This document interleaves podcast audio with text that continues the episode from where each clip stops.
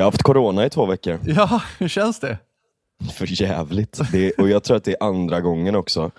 Uh, första gången så testade jag min flickvän, eller förlåt min flickvän testade sig efter uh, för antikroppar och sådär. Men, men det fanns, uh, det var inget. Men då var det så här, okej okay, men är det typ T-cell eller bla bla bla, eller hur fan funkar det liksom? Ja. För det var, det var ju väldigt många av de här, um, vad ska man säga, symptomen som vi hade. Uh, och nu kändes det exakt likadant och det var det är många som kan tänka så här, åh det att du åkte iväg på skidsemester. det är ju liksom den största scapegoaten man har just nu. Liksom. Ja, att det, är det, värsta, det är det värsta man kan göra. Ja. Um, men, men nej det var det inte, det var väldigt väldigt säkert på den här skidsemestern. Vi åkte upp en sån här trekupé upp som var jävligt safe. Mm. Uh, och uh, så höll vi jävligt mycket avstånd i backarna så att, av flera anledningar. Uh, så det var verkligen inte så problematiskt. Men å andra sidan, sportlovet är väl värre och sådär också. Jo, Um, verkligen. vi kan ju komma in på det mer sen då, men min slutsats med det här är att när jag kom hem så skulle jag hjälpa min kompis att flytta. Och det var såklart då vi fick det. Ja. Så att det är liksom, jag menar det, det är så jävla många olika faktorer till varför man kan få corona. Eh, men, men vi är jävligt snabba på att peka på några enskilda som är så här, hur vågar du ha roligt under den här tiden? Det landar alltid i det, ta med fan alltså. Mattias Svensson har en sån jävla bra poäng med, med namnet på sin bok för att det, det, det, liksom, det landar i Sverige alltid någonstans i att så, här, så länge vi inte har roligt så är det bra. Liksom. Då, då Ja. gör vi rätt uppoffringar. Liksom. Ja, exakt. Eh, Men alltså, alltså, jag har ju inte haft corona eh, överhuvudtaget, vad jag vet i alla fall. Det finns ju de tydligen som kan gå runt och ha det utan att ha någon aning om att de har haft det. Eh, jag har ju liksom inte testat eh, någon så här antikroppar eller någonting sånt, så jag har ingen aning. Men vad jag vet så har jag inte haft det. Eh, och jag planerar inte att få skiten heller. Jag är glad om jag slipper liksom. Eh, Fan vad segt om du får det nu så här slutspurten.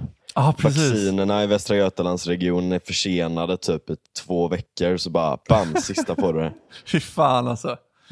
Alltså jag skulle nog fan ha, jag, jag skulle nog ha lite dödsångest om jag, om jag fick corona. Även om så här, jag vet att så här, det, det, det är ingen större risk att det överhuvudtaget skulle hända någonting.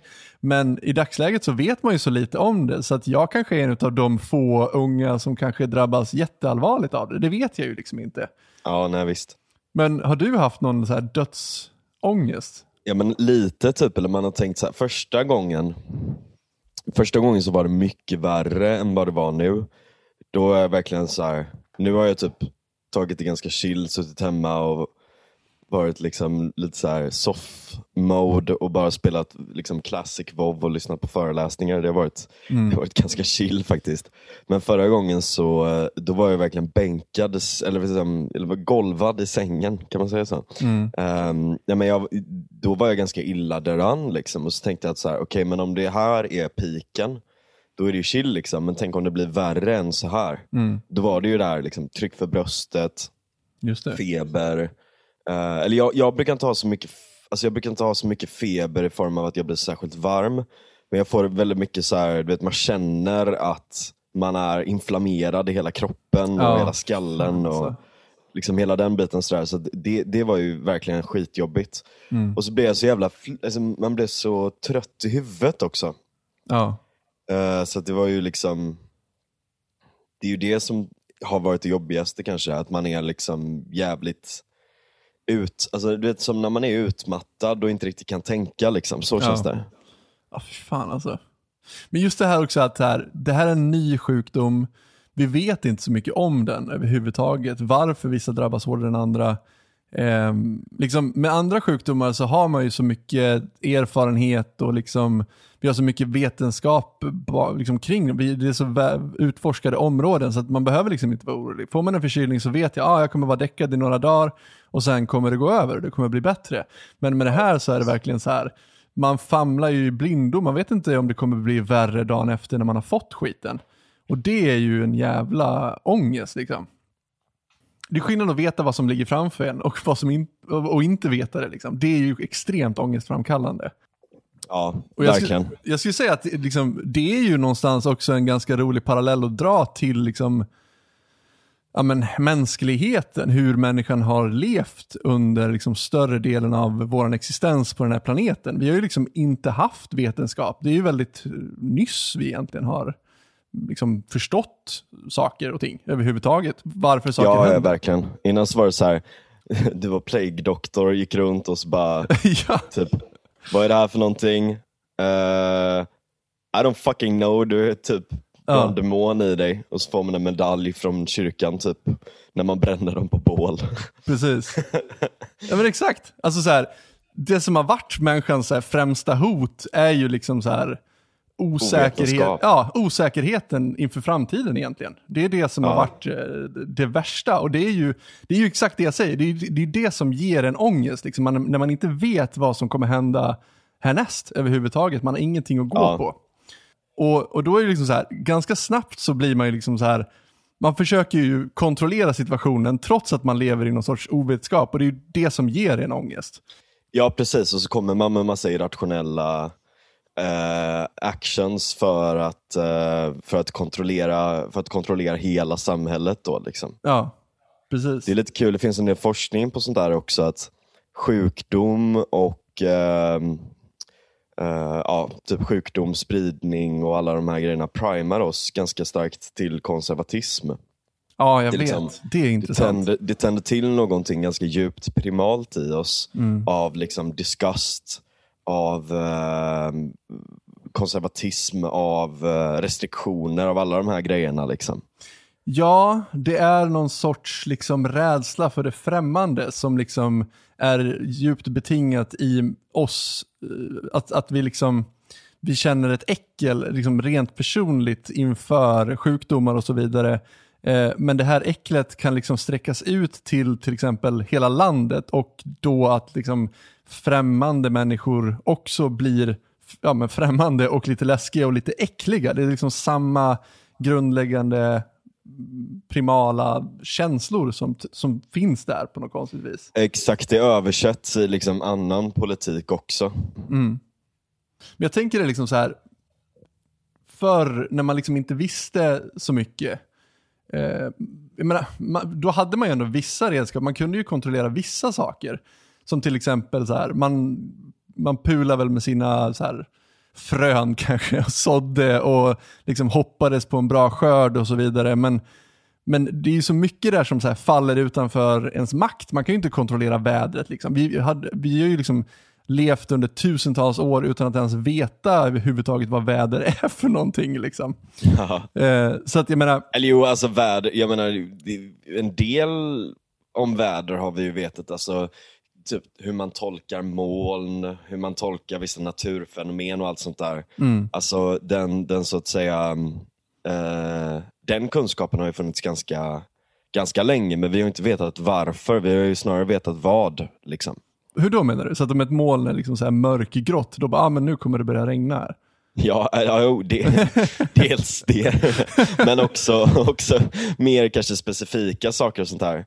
Jag, vet inte, jag hörde häromdagen till exempel att eh, polyneserna var så jävla otroligt eh, duktiga på det här och kunde liksom se på moln hur långt de var från land och såna här saker. Jag vet inte om det stämmer men eh, det, finns ju, det finns ju andra mer, mer enkla exempel liksom på hur man har haft eh, en kunskap om en del naturfenomen och vad de indikerar. Liksom. Någon form av eh, nästan bayesiansk, eh, även om de inte så, alltså, de har inte formulerat det utifrån statistik, liksom, så använder de ju liksom eh, sannolikhet i olika parametrar för att bedöma någonting och sådär också med väder. Då.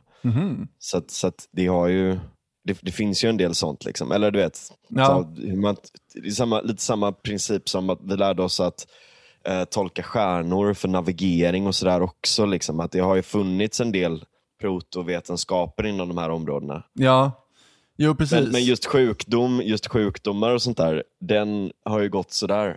Mm. Eller det var, ett tag så var det jävligt mycket dumma grejer man gjorde. Liksom. Ja, verkligen. Ja, alltså överhuvudtaget, även när det kommer till väder. Även om vi kan liksom kanske ha kunnat förutspå väder eh, under en viss tid så, så har vi nog inte, vad jag vet i alla fall, kunnat förutspått det särskilt mycket som har gjort att vi har kunnat planera typ skörder och så vidare. Det är ju liksom så här, har vädret fuckat upp ett år så dör folk i svält. Liksom.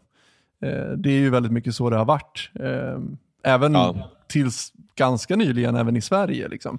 För det är ju det som är grejen. Du, du har läst eh, Open med, eh, eller Öppen sluten som den heter på svenska Ja. då, med Johan Norberg. Du har läst klart den?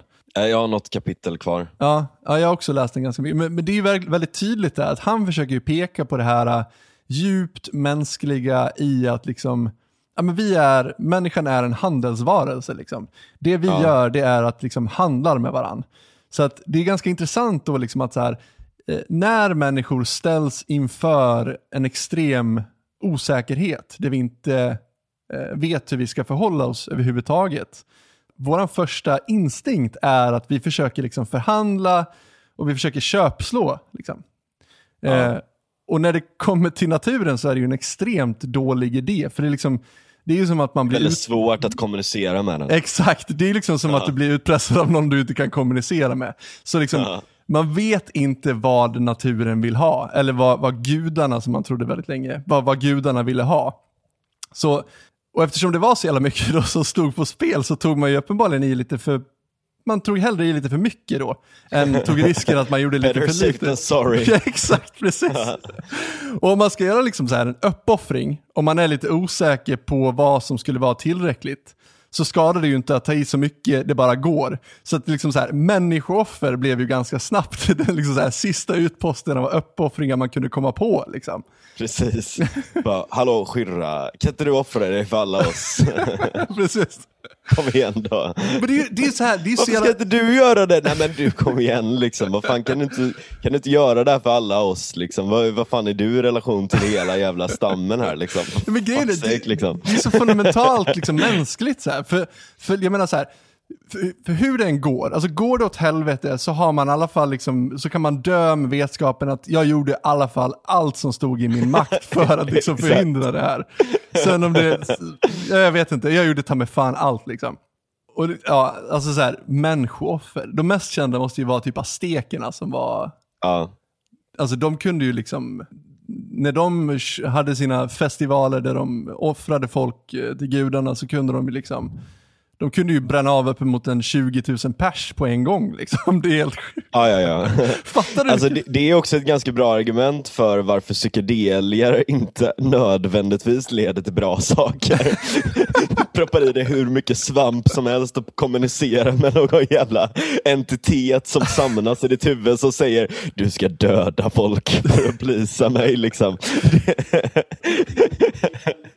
De käkade ju svamp som om det var godis liksom. Ja, och ayahuasca och allt möjligt. Liksom. precis. Men det är ju någonting i det här som inte är så jävla dumt tänkt ändå. Alltså, bas- baserat på det man visste då, att liksom, eh, jag vet inte vem, vad jag dealar med här, så att jag gör, jag, jag gör så mycket jag bara kan och så får vi hoppas att det räcker. Liksom. Vi tänker offra 20 000 pers här, liksom. slita ut hjärtat på dem. Det är det vi, det är det vi ska göra. Liksom. Ja. Eh, Och det, har- alltså det har vi ju gjort här i Sverige också. Det här är ju extremt mänskligt. Jag menar vikingarna offrade ju människor liksom, till Frej för, så här, fruk- av fruktbarhetsskäl. Typ. är liksom, Ja. ja. Ja, ja verkligen. Det är, det är ju en, en, en common grej. Liksom. Och det är ganska sjukt också att vi har utvecklat det rent evolutionärpsykologiskt. Ja, ja, ja visst. Om, om man ser liksom en, en, en grupp då som bara konstruerar en hyperstruktur av så här fungerar världen eh, mellan varandra och, och lyckas liksom få ihop det på något knasigt sätt eller ett enhetligt system där man till slut kan övertyga alla om att det här är rätt väg att gå. Precis. Ja, och jag menar, det finns ju... människor till, till en gud som är helt påhittad. Liksom. Ja, men precis. Och vi kan sitta här Där nu kan man bara... snacka om emergens liksom, och top-down effekter. Att liksom, du, du har i princip, eh, nu jag, jag håller på och skriver om de här grejerna just nu så jag, förlåt om jag drar världens passus då, men jag menar när du har, eh, när, liksom, mellan människor i ett nätverk så uppstår ju någon form av emergens och någon form av eh, kultur som är, eh, som ska man säga, inseparable eh, från den enskilda människan Norden. Liksom. Att du är en del av det här systemet och det systemet i sig har en top-down effekt på dig i viss mån. Mm. Det. Liksom. Det, det, det är ett resultat av bottom-up men på något sätt så får ju kulturen en top-down influens på dig och sådär också. Just. Eh, och här, här, här blir det ju nästan som att religionen manifesterar sig för att religionen som den blir konstruerad kräver dessa offer. Liksom. Mm. Det känns som att det är alldeles för lite utrymme för att verkligen utveckla vad jag menar här. Men, Nej, men jag men du fattar lite vad jag är inne på. Jag, tror Ja. jag fattar lite grann vad du är inne på. Och det är någonting som verkligen hänger ihop med det. För jag menar, det här finns ju även i våra religioner som vi har idag. Jag menar, Jesus är väl det bästa exemplet på det. Som liksom, han är ju liksom någon sorts mänskligt offer som dog för våra synder. Liksom. Det är ju Ja, hela exakt. den grejen igen. Eller Isak liksom, som Abraham skulle offra för att, ja, vad fan var det? Han skulle visa att, för Gud att, ja, klassiskt offerargument igen. Liksom.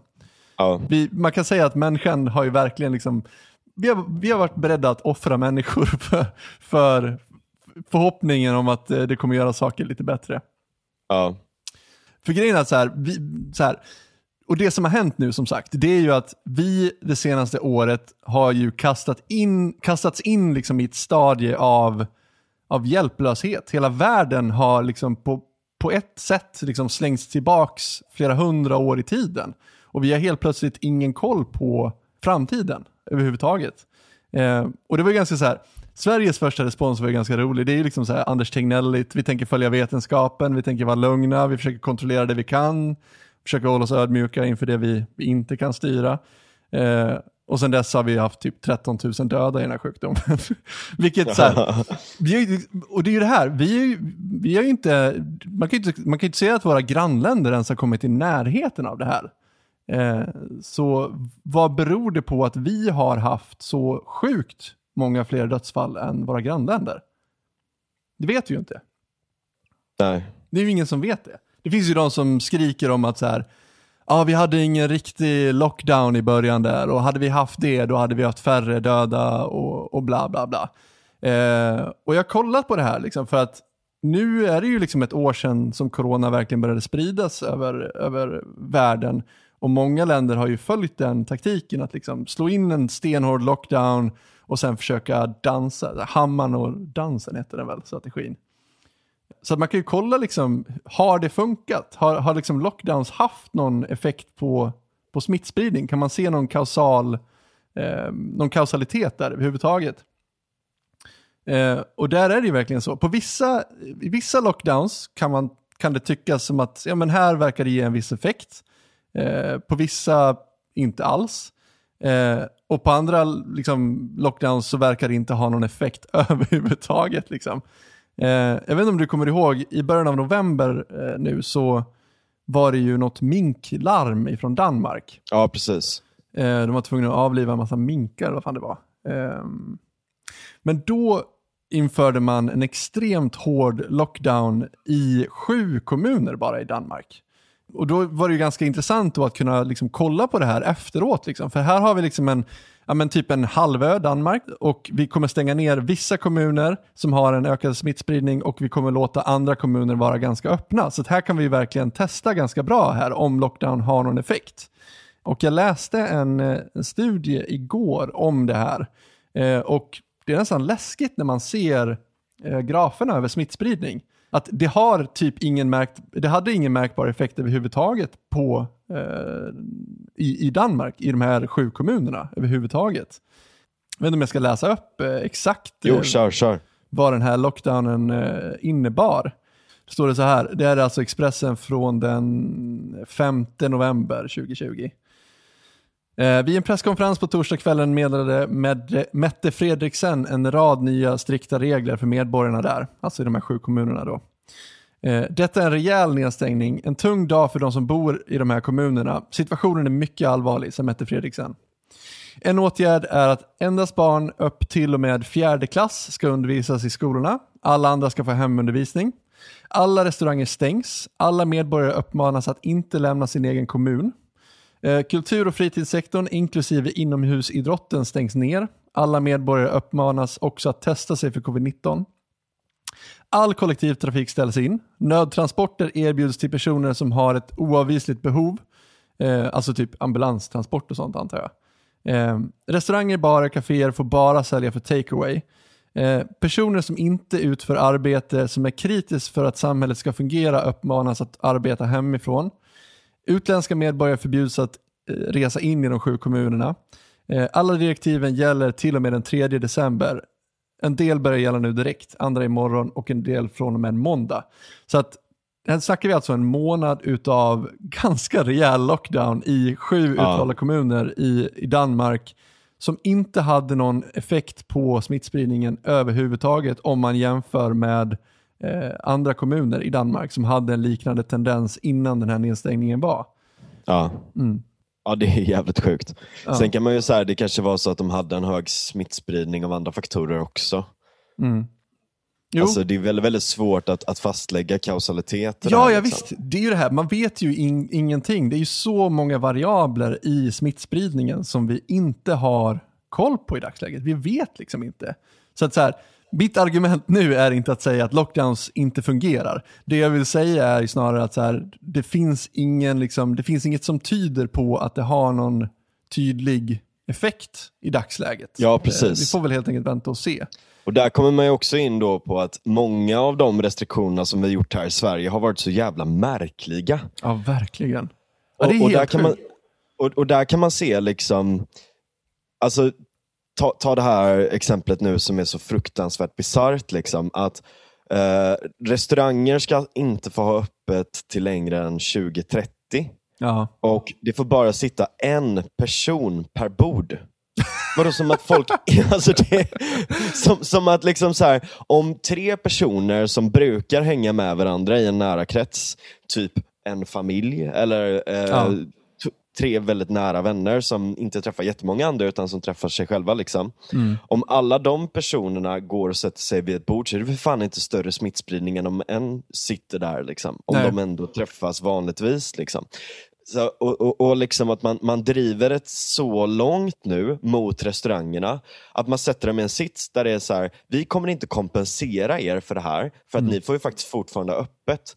Men det här att ha öppet är liksom mellan klockan 15 och eh, typ 20.30 och, Mm. och liksom sen måste de stänga ner. Alltså det, det är ju, och, och de får bara en person per bord och så vidare. och så vidare. Alltså Det är ju fullkomligt bisarrt. Ja, ja, Och vad det här är, är ju egentligen bara så här. det är bara på.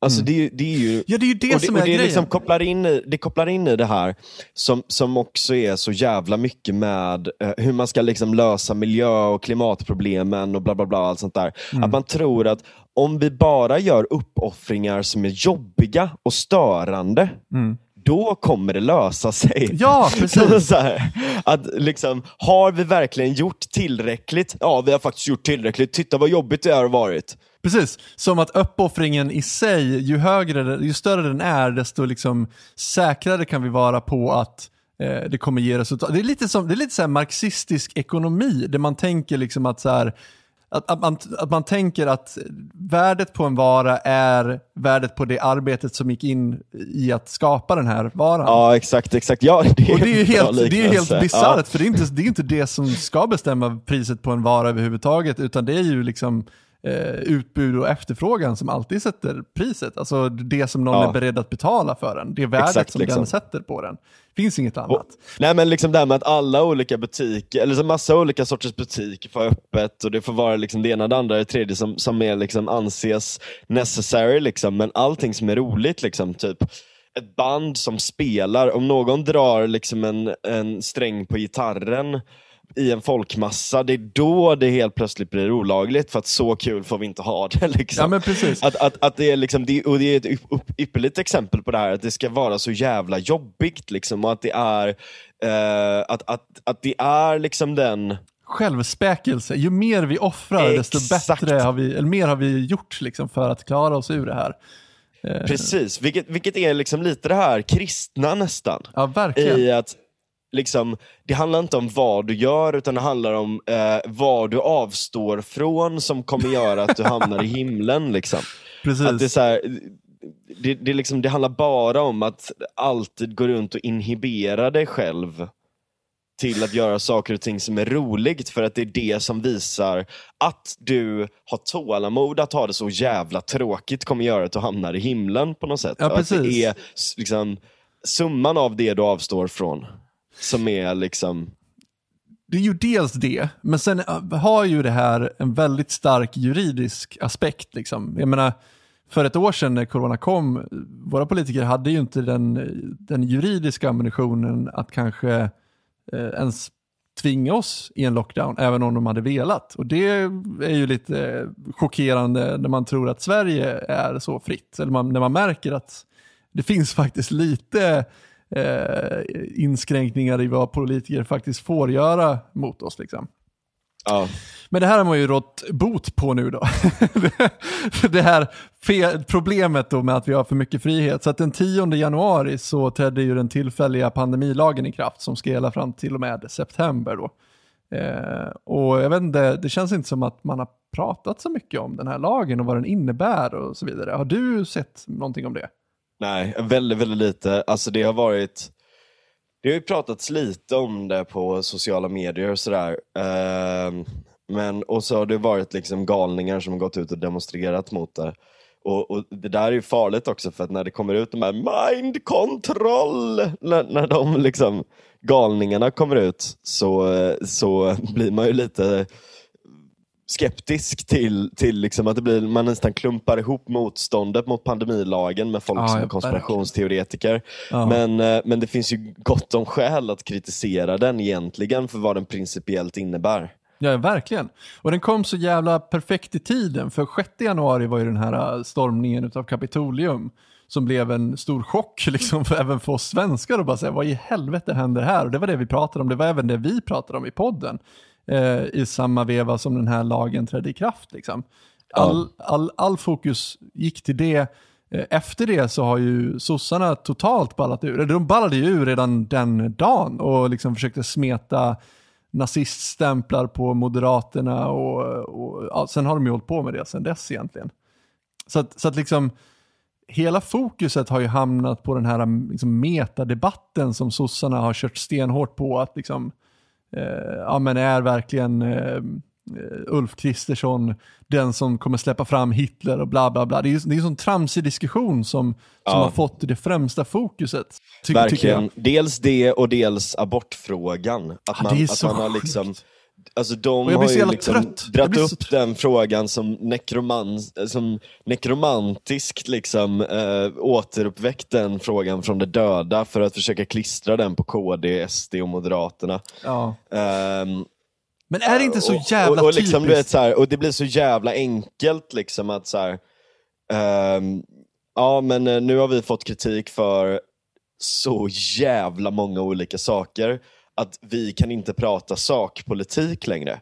För att om vi gör det, då är det så här, då kommer det bli prat om corona, det kommer bli prat om misslyckande med arbetslöshet, med migration, med alla jävla skandaler, transportstyrelseskandaler eller internethaverier eller det ena och det andra och det tredje. Liksom. Det är så fruktansvärt många fuck-ups som sossarna har gjort på så lite, eller på så kort tid. Att jag tror ärligt talat att det är deras primära strategi just nu. Ja, ja. Det är det Att, verkligen. att, att skamlöst hävda saker och ting om motståndarsidan och prima folk på någon form av så här, ja, vi vet inte vad som kan hända om det här, om, om de, eh, eh, om de eh, får makten. ja. Och eftersom, och återigen då ovetenskap, liksom, det man inte vet är man rädd för. Och, och att, att liksom, så blir det så här, ingen rök utan eld. Mm. Att liksom Ja, så här, exakt. ja, jo men det stämmer nog lite att det kanske är, aborträtten kanske är hotad om eh, Moderaterna får makten för eh, de eh, samarbetar ju med KD och det finns ju faktiskt vissa i KD som är lite emot abort. Mm. Alltså, och, och, och, och så kan de liksom, och så pratar de om, inte om någonting annat. Mm. Alltså det är det enda som de kommunicerar just nu. Mm. Det finns ett sånt eh, klipp från eh, riksdagen nyligen där eh, ehm, Adaktusson går upp och pratar Ah, om, eh, om eh, vad heter det, kristna eh, som förföljs. Då. Ehm, vi kanske nästan ska klippa in det. Ja, ska vi göra det? Ja, jag tycker det. religionsförföljelse övergick i folkmord på assyrier, syrianer och kaldéer. Trots det oerhörda som hände så vägrar den svenska regeringen att erkänna detta folkmord.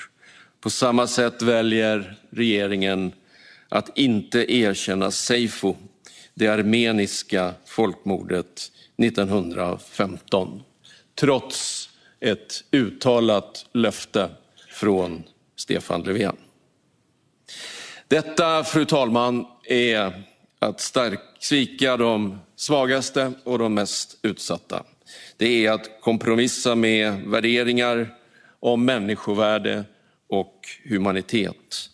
Det vill säga de värderingar som borde vara vägledande för svensk utrikespolitik. Tack fru talman. Tack så mycket. Och på anförandet har Ann Linde, utrikesminister, Socialdemokraterna, begärt eh, replik och Kerstin Lundgren, Centerpartiet och Håkan Svenneling, Vänstern. Och då börjar vi med utrikesminister Ann Linde. Varsågod. Tack, fru talman. Ja, vi känner ju alla till eh, Lars Adaktussons motstånd mot abort och hur han eh, röstade nej till abort 22 gånger i Europaparlamentet.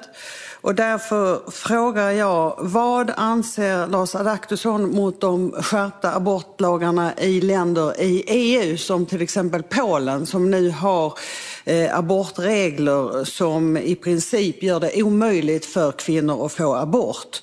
Och eh, hur ställer sig eh, Lars Adaktusson till den, att man ska, hur ska man eh, ordna så att det inte blir mer diskriminering mot hbtqi-personer, till exempel genom motarbetande av eh, adoptioner för samkönade par? Tack fru talman.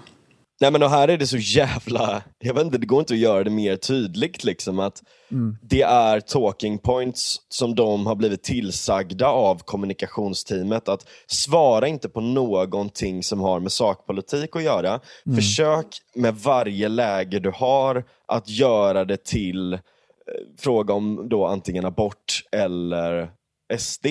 Mm. Och det blir så jävla dåligt. Ja.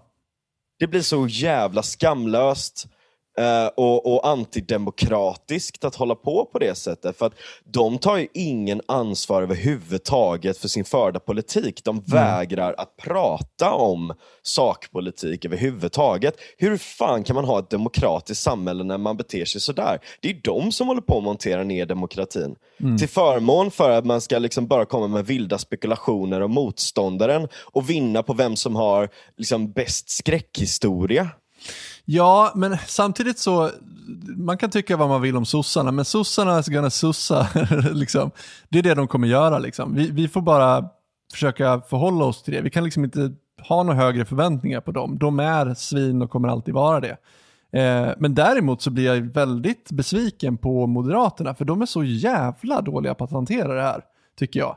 Bästa illustrationen av det här som jag fick nu för några veckor sedan, det var att jag, det var apropå den här vilka var det? Var det Centerstudenter som eh, postade den här eh, bilden på när de springer runt med Don't Tread On Me-flaggor eh, ja. fram, framför den brinnande LO-borgen liksom, och det blev ett jävla liv. Eh, och Per från God Ton, jag snackade lite grann med honom på, på, Twitter om det här, för han tyckte att det var så jävla sjukt att de kunde liksom om nu motståndarsidan ville smeta någon sorts alt-right eh, liksom stämpel eh, på den här ja, för, för att Gadsden-flaggan då, den här Don't ja, flaggan För precis. att det, ja, titta här är någon högerextrem som har haft den också. Ja, precis. Och då var det liksom... alltså, han, han, han var, jo men grejen var att han var ute lite grann och var så här, men hur kan man vara så dum om motståndaren försöker brunsmeta en? Att man inte, att man liksom lite grann spelar dem i händerna för att kolla nu viftar vi på den här flaggan och då är det men den bättre? flaggan har ingenting Nej, med högerextremism att jag göra. Jag vet, jag vet. Men det är bara så typiskt. Alltså så här, och så här, jag, är inte, jag, är inte, jag vill inte gnälla på, på Per så, jag tycker att han är grym. Men det är så typiskt moderater att reagera på det här sättet. För att istället för att liksom, jag drog det exemplet med till Per också, att så här, det är ju ett sätt att ge motståndaren fingret. Om motståndaren brunsmetar dig, men heila då i sådana fall. Det är, liksom, det, det, men det är ett sätt att ge dem fingret. För att, så här, att reagera som Moderaterna och vara liksom så här, nej, vi, vi står visst upp för aborträtten och vi, vi är minsann minsann inga nazister och så vidare. Då har du redan förlorat. Jag drog exemplet med Det är så här, är du bögen i buren? Ja, nej, bögen är lös, bögen är lös! exakt, ja men precis, exakt den gamla grejen liksom. Och jag drog den liknelsen med typ eh, med, eh, med Sid Vicious på, på 70-talet när liksom punken började komma i Storbritannien och liksom de här gamla kyrktanterna var så här. Åh nej, våran ungdom är så dekadent och de är vidriga och allting är på väg åt helvete. Det Sid Vicious gjorde då, det var att dra, dra på sig en t-shirt med ett hakkors på. För att det här var ju liksom föräldragenerationen som hade genomlevt andra världskriget. Eh, hade han liksom så här kammat sig och dragit på sig en pullover för att liksom bara, nej jag är visst en duktig pojke, då har han ju förlorat. Att, att dra på sig en hakkorströja i det läget, alltså det gjorde han ju inte för att han var nazist överhuvudtaget, det gjorde han ju bara för att jävlas med de här kyrktanterna. Och jag har full respekt för det. Det är att inte anpassa sig, det är att ge dem fingret. Att liksom Ja. kamma sig och liksom som Moderaterna har gjort nu liksom. Nej, vi står visst upp för, för, eh, för eh, aborträtten och gör något utspel om aborträtten för att liksom, då har, då har du redan förlorat. Då har du, liksom, då har du redan börjat spela sossarnas spel och det är det sämsta du kan göra. Ja, jo lite så kanske. Faktiskt. Alltså det, det där är så jävla svårt. Så här. Får man inte försvara sig mot ett eh, grovt påhopp utan att spela med det spelet? Alltså jag håller med om att, att det gör det, men där måste det också finnas någon så här gräns typ för när man måste kunna få säga ifrån, liksom. inte minst när det är politiska partier som styr vårt land som Ja, håller på på det här sättet.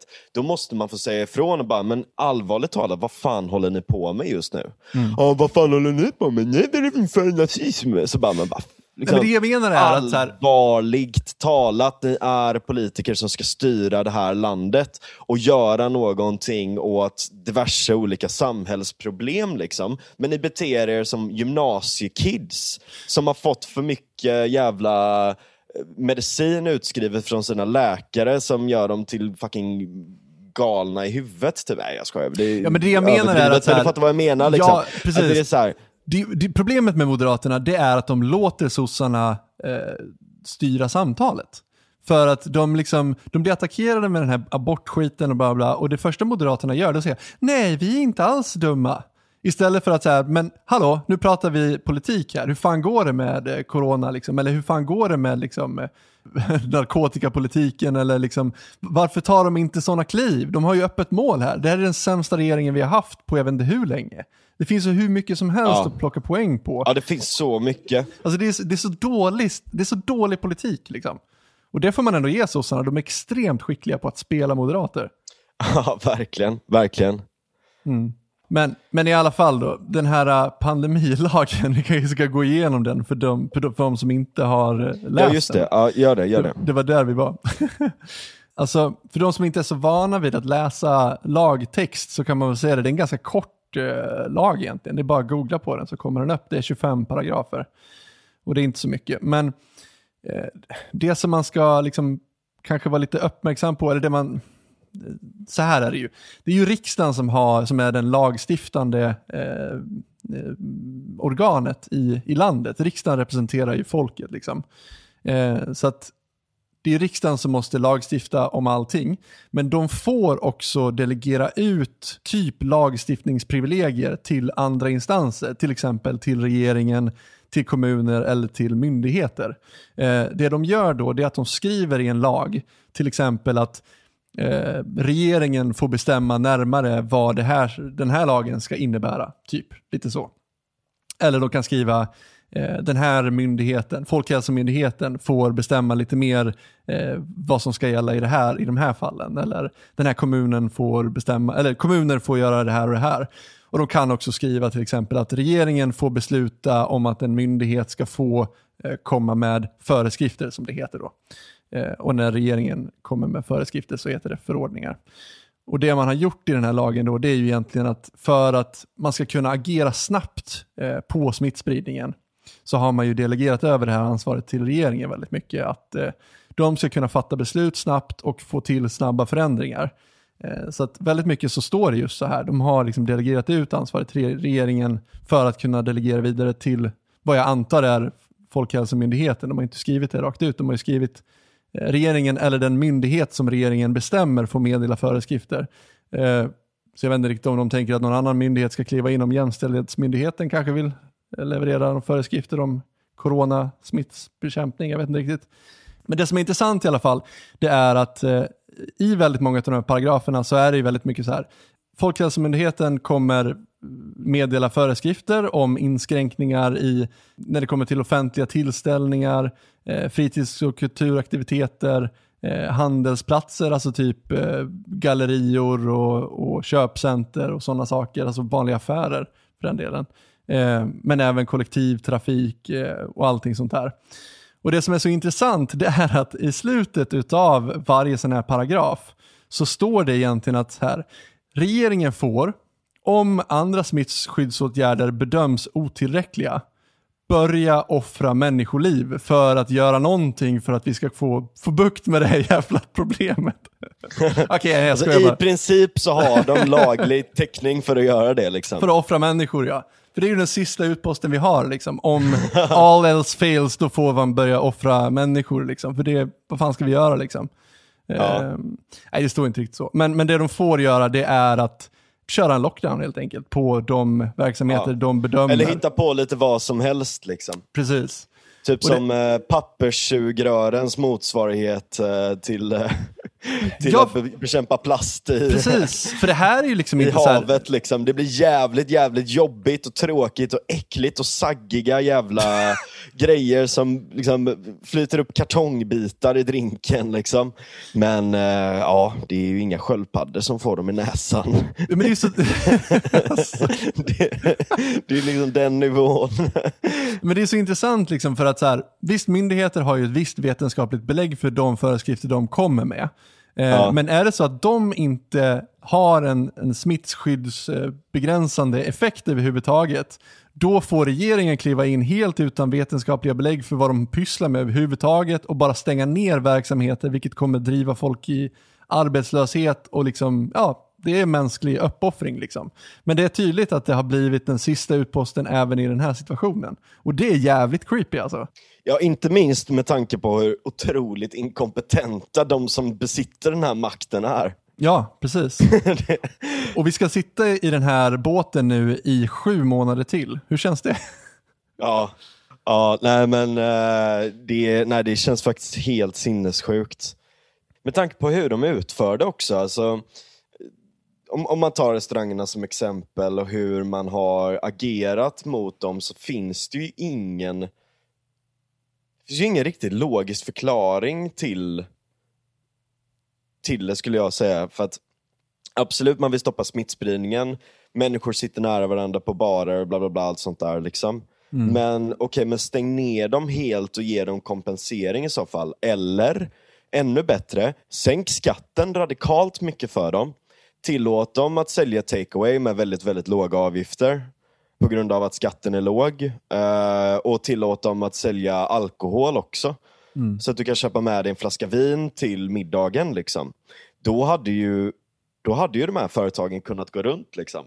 Mm. Uh, och, och kanske till och med och där är det lite, så här, lite problematiskt då, för då är det egentligen bara kockarna och eh, ja, typ framförallt kockarna som får stanna kvar och laga mat. Mm. Men jag menar, du skulle ju tekniskt sett kunna ha Alltså om servitörerna får lika mycket betalt för att leverera maten till någons dörr eller vad fan som helst. Liksom. Mm. Alltså det går ju att skapa, jag säger inte att det är optimalt, jag säger bara att det går att tänka outside the box med hur vi kan agera i en pandemi. Och mm. om företag ges möjligheten att få innovera i sådana här stunder, då kommer innovation att hända.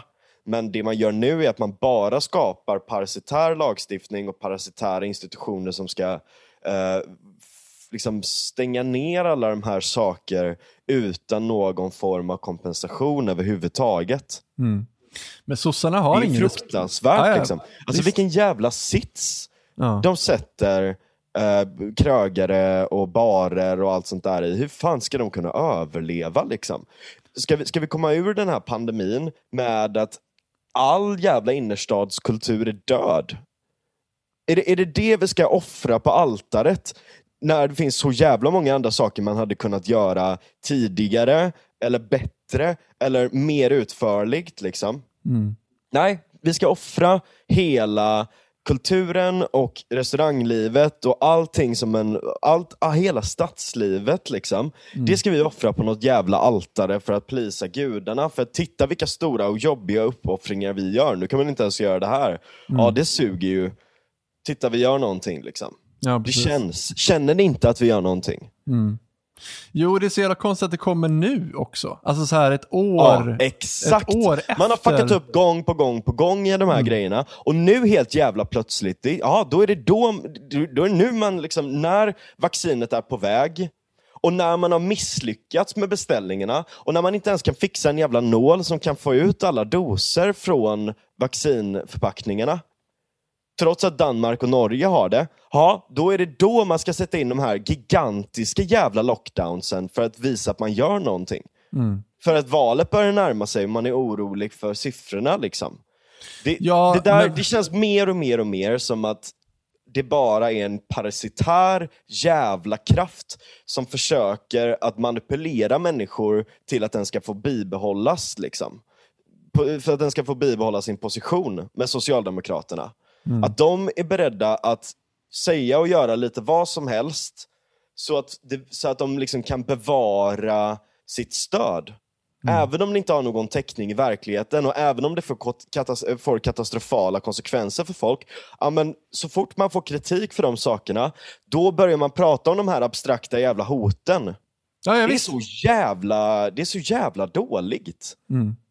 Ja, Och, och, så, och så har de mage att prata om demokrati. Och Mm. att de skulle vara demokratins väktare på något jävla sätt. Mm. Fuck off! Jag blev blockad av eh, Morgan Johanssons pressekreterare häromdagen.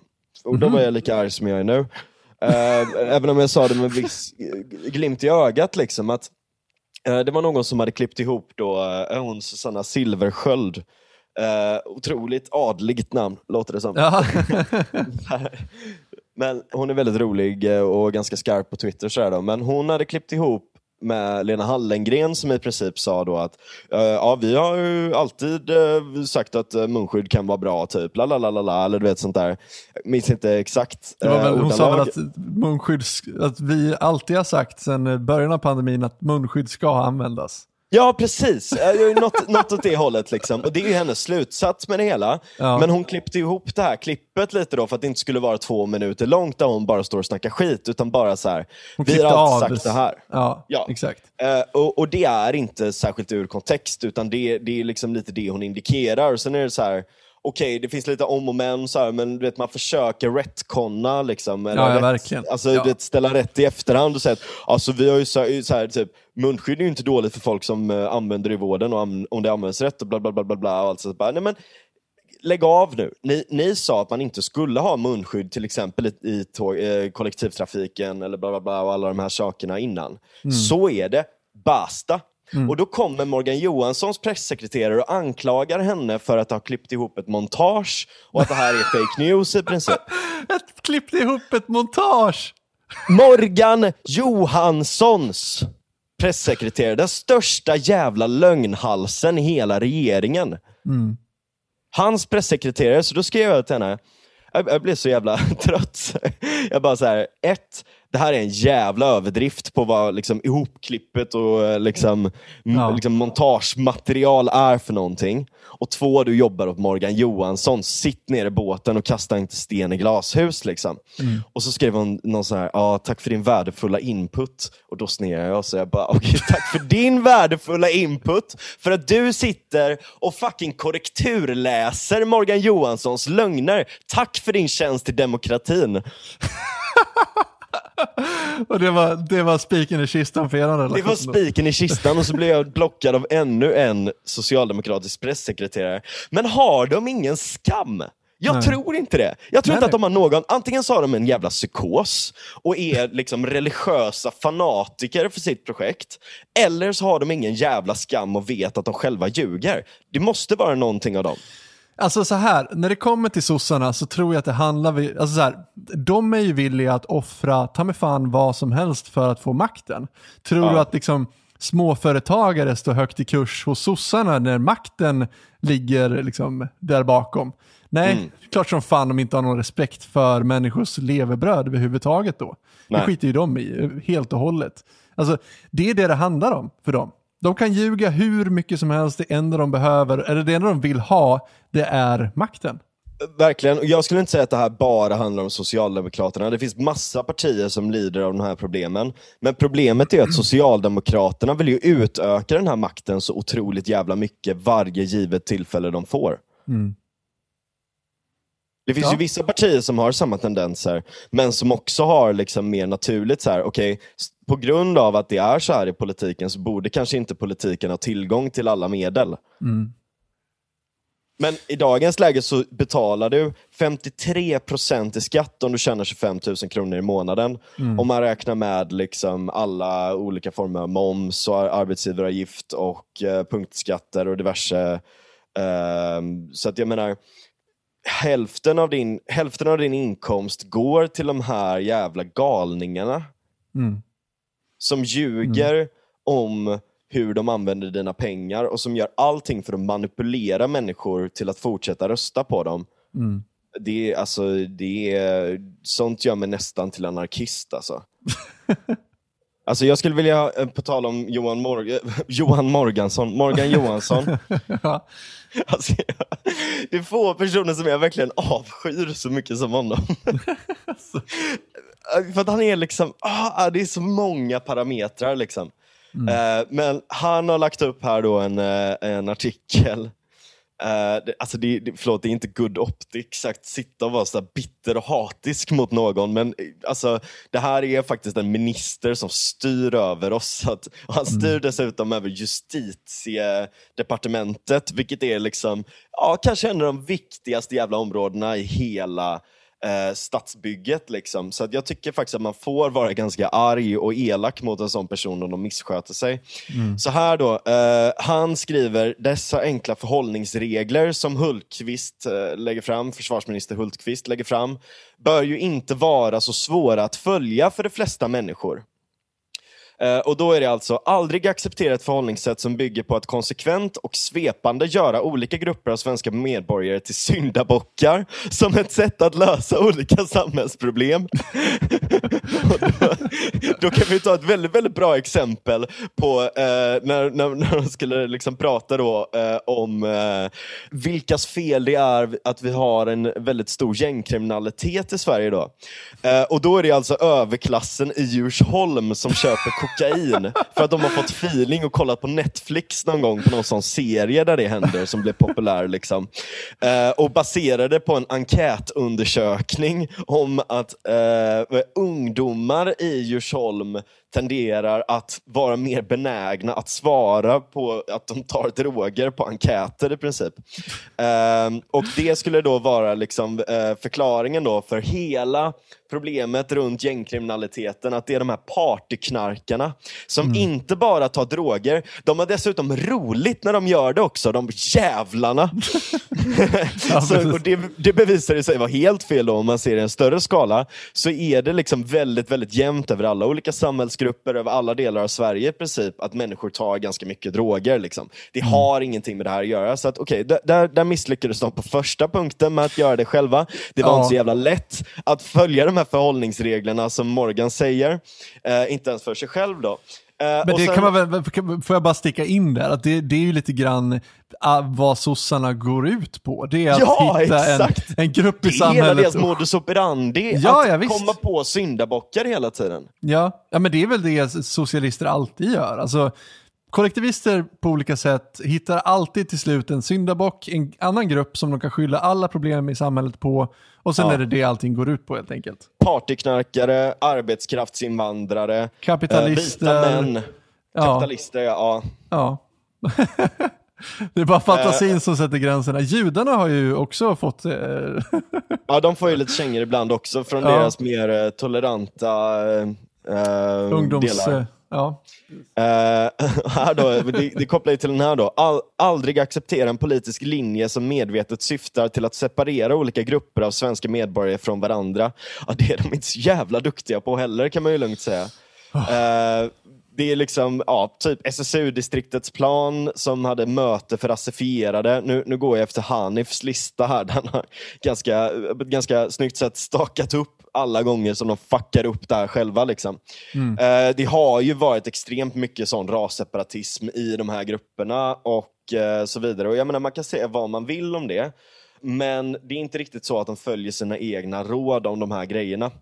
Eh, vidare så kan man gå in på liksom, aldrig acceptera eh, att i den politiska retoriken medvetet förgö- försöka dju- fördjupa klyftor som bygger på ras, religion eller kultur. Ja, det är de inte så jävla bra på heller. Aldrig acceptera smygande processer där ett öppet demokratiskt samhälle stegvis drivs i en allt mer auktoritär riktning. Men vad fan, det är det de gör hela jävla tiden. Alltså, de är ju de är bland de mest auktoritära i hela Sverige när det kommer till saker. De har ju drivit igenom en jävla massa saker. Man kan ju dels prata om, om rökförbud och det ena och det andra eh, runt liksom hur de försöker begränsa människor som bara lever sina liv. Eh, men man kan också gå lite djupare och prata om liksom grundlagsförändringar som de har försökt göra. Dels det här med pandemilagen, Ja. Eh, Men också även typ när de försökte göra den här grundlagsändringen om public service, att de skulle skyddas Ja, ja, av, av grundlagen och att liksom vissa sorters journalister var en sak och vissa sorters journalister är en annan sak. Mm. Alltså det finns väldigt många jävligt sketchy grejer som de har gjort. liksom. Ja. Eh, och, och det här sista är väldigt roligt då. Aldrig acceptera de anonyma påhoppen, hatet och de eh, desinformativa metoder som det högerextrema använder i sociala medier. Och då kan ju först och främst då säga att S har ju haft en egen trollfabrik. Ja. och eh, det var även en motion som eh, i, i Ygemans distrikt som de även då eh, gick igenom där de skulle ha eh, utbildningar för att utbilda folk i hur man kan ha anonyma konton på internet. Alltså Det var en motion som gick igenom i Stockholm där de, eh, där de pratade om det här. då. Och jag menar, om vi nu ska prata om desinformation och alltså, hat och desinformativa metoder och allt det där då. Det är för fan inte någonting som bara högerextrema använder. Och ett jävligt bra exempel på det, det är hur fan de håller på nu med hela den här SD-grejen, abortgrejen och allt det där. Men inte minst också hela den här grejen med Ebba Busch Thor och Esbjörn som liksom Aftonbladet Ja, och. Socialdemokraterna har gått fullständigt i taket över. Absolut, det, är så här, det kanske inte är så jävla bra optics för en partiledare att driva en process mot en person. Men det finns jävligt mycket skit som ligger bakom det där. Det är verkligen inte bara hon som har gjort fel, utan uppenbarligen, det kom ut nyligen nu, så har det funnits en hel grupp med folk som bara planerar hur de ska fucka för Ebba Busch Thor. Eh, och, och, och det här är någonting civilrättsligt. Liksom, Ja. Han har skrivit på någonting, han har inte hållit det, utan så har det blivit liksom en jävla konflikt med familjen där han står mitt emellan. Jag tycker skitsynd om honom, men det behöver inte betyda att Ebba Busch Thor nödvändigtvis har helt fel i det här. Nej, jag- Men ändå så liksom gör Aftonbladet då framförallt, Mm. för att de är en jävla skräptidning med ledarskribenter som bara sitter och försöker sprida hat, desinformation och jävla narrativ hela tiden. Mm. Och liksom skriver helt efterblivna, insu- liksom insinuerande artiklar om det ena och det andra. Eh, som är bara liksom, det, det är bara Eh, alltså det är bara spel för galleriet, det är bara massmanipulation. Liksom. Och så har de mage att liksom skriva såna här artiklar och påmåla det på andra. Liksom. Eh, Det blir så jävla svagt. Och Det hade varit en sak om, om, om de var liksom lite vem som helst. Liksom. Men nu är de Sveriges största parti. Är, det är de som liksom ska an, har självbilden om att de är grundpelarna för hela Sverige. Ja, alltså de har ju en självbild av att de är demokratin. För som Ja, vi var inne på exakt. med, med Alexandra Ivanov i, i, i, för några avsnitt sedan här så, så är det ju uppenbarligen så att så fort något annat, eh, alltså så fort Moderaterna eh, vinner ett val eller att det blir en annan regeringsbildning överhuvudtaget som de inte är inkluderade i, då är det liksom en kupp eller liksom ett, eh, alltså, Ja. Då är det liksom ett hot mot Exakt. demokratin. Liksom. De får ta vilka medel som helst för att försvara sin syn på demokratin, det vill säga att de styr och de liksom styr hela jävla samhället. Eh, Då får de göra vad som helst för att uppnå det. Men om, om någon annan kritiserar dem allting, nej, men då är det hat och desinformation. Och de får hitta på lögner om sina motståndare för att smokescreena sina egna misslyckanden. Liksom. Ja, nej jag vet inte. Jag, jag har bestämt mig för att jag, jag ska sluta eh, bli upprörd över sossarna nu. Jag känner bara att... Ja, jag måste det- nog också det. För grejen alltså. är, på nå- något sätt så handlar det ju om att man, man tror, eller man har en förhoppning om att... Det hade kunnat bli bra. Ja, att nivån i alla fall på diskussionen hade kunnat varit på en annan nivå, att vi hade kunnat prata sakpolitik och så vidare. Men jag menar, vi kan uppenbarligen inte det och, och det är det, jag, det, är det man blir besviken på. Men när det kommer Ja. till sossarna så ska man inte ha så mycket högre förväntningar överhuvudtaget. Det är helt meningslöst att bli besviken på dem. Det Ja, enda som faktiskt. hjälper det är att de måste bort. Sossarna måste bort, punkt slut. Och det, det, det är det enda vi kan se fram emot. Nästa val. Ja.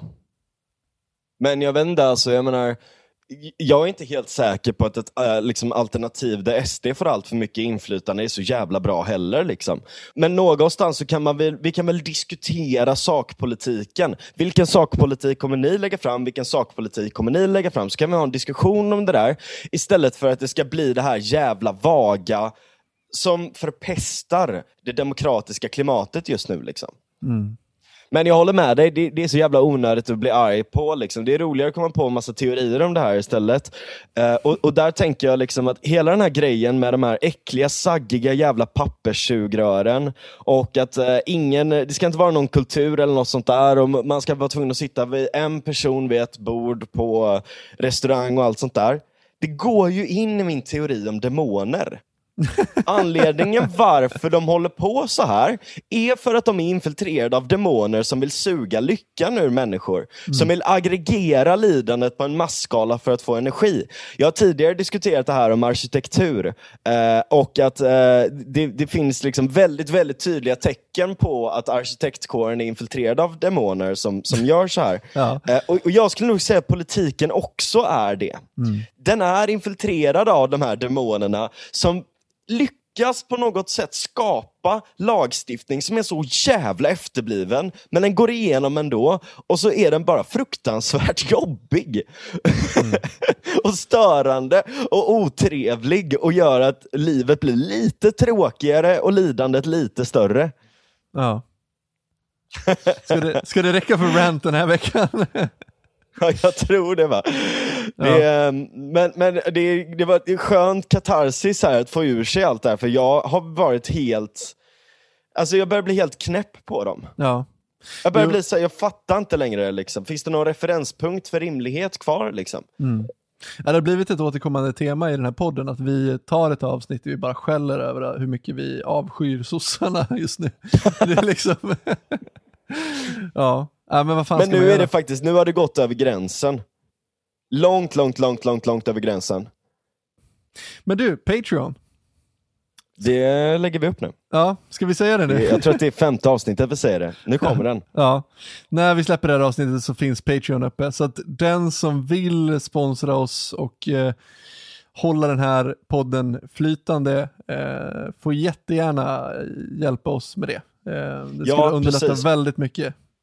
Många bäckar små, alltså en liten, liten slant eh, i månaden eller sådär är ju otroligt, otroligt uppskattat liksom. För det här är skitkul att göra, men eh, det är väldigt, väldigt kul att få lite stöd också Ja, i att kunna fortsätta göra det och eh, till och med utveckla.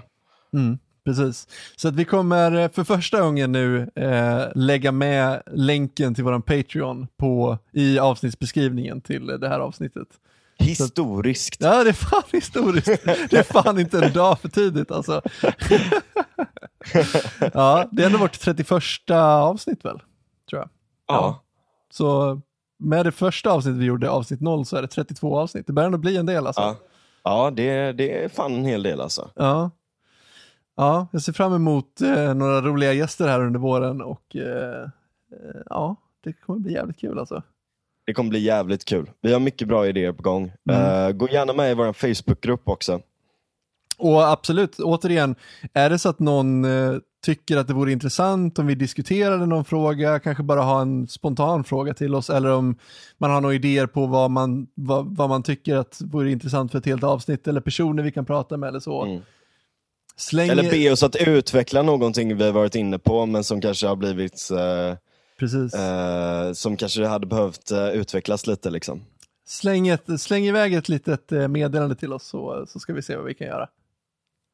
Ja, men tack för idag då. Tack för den här veckan. Ja, tack för den här veckan.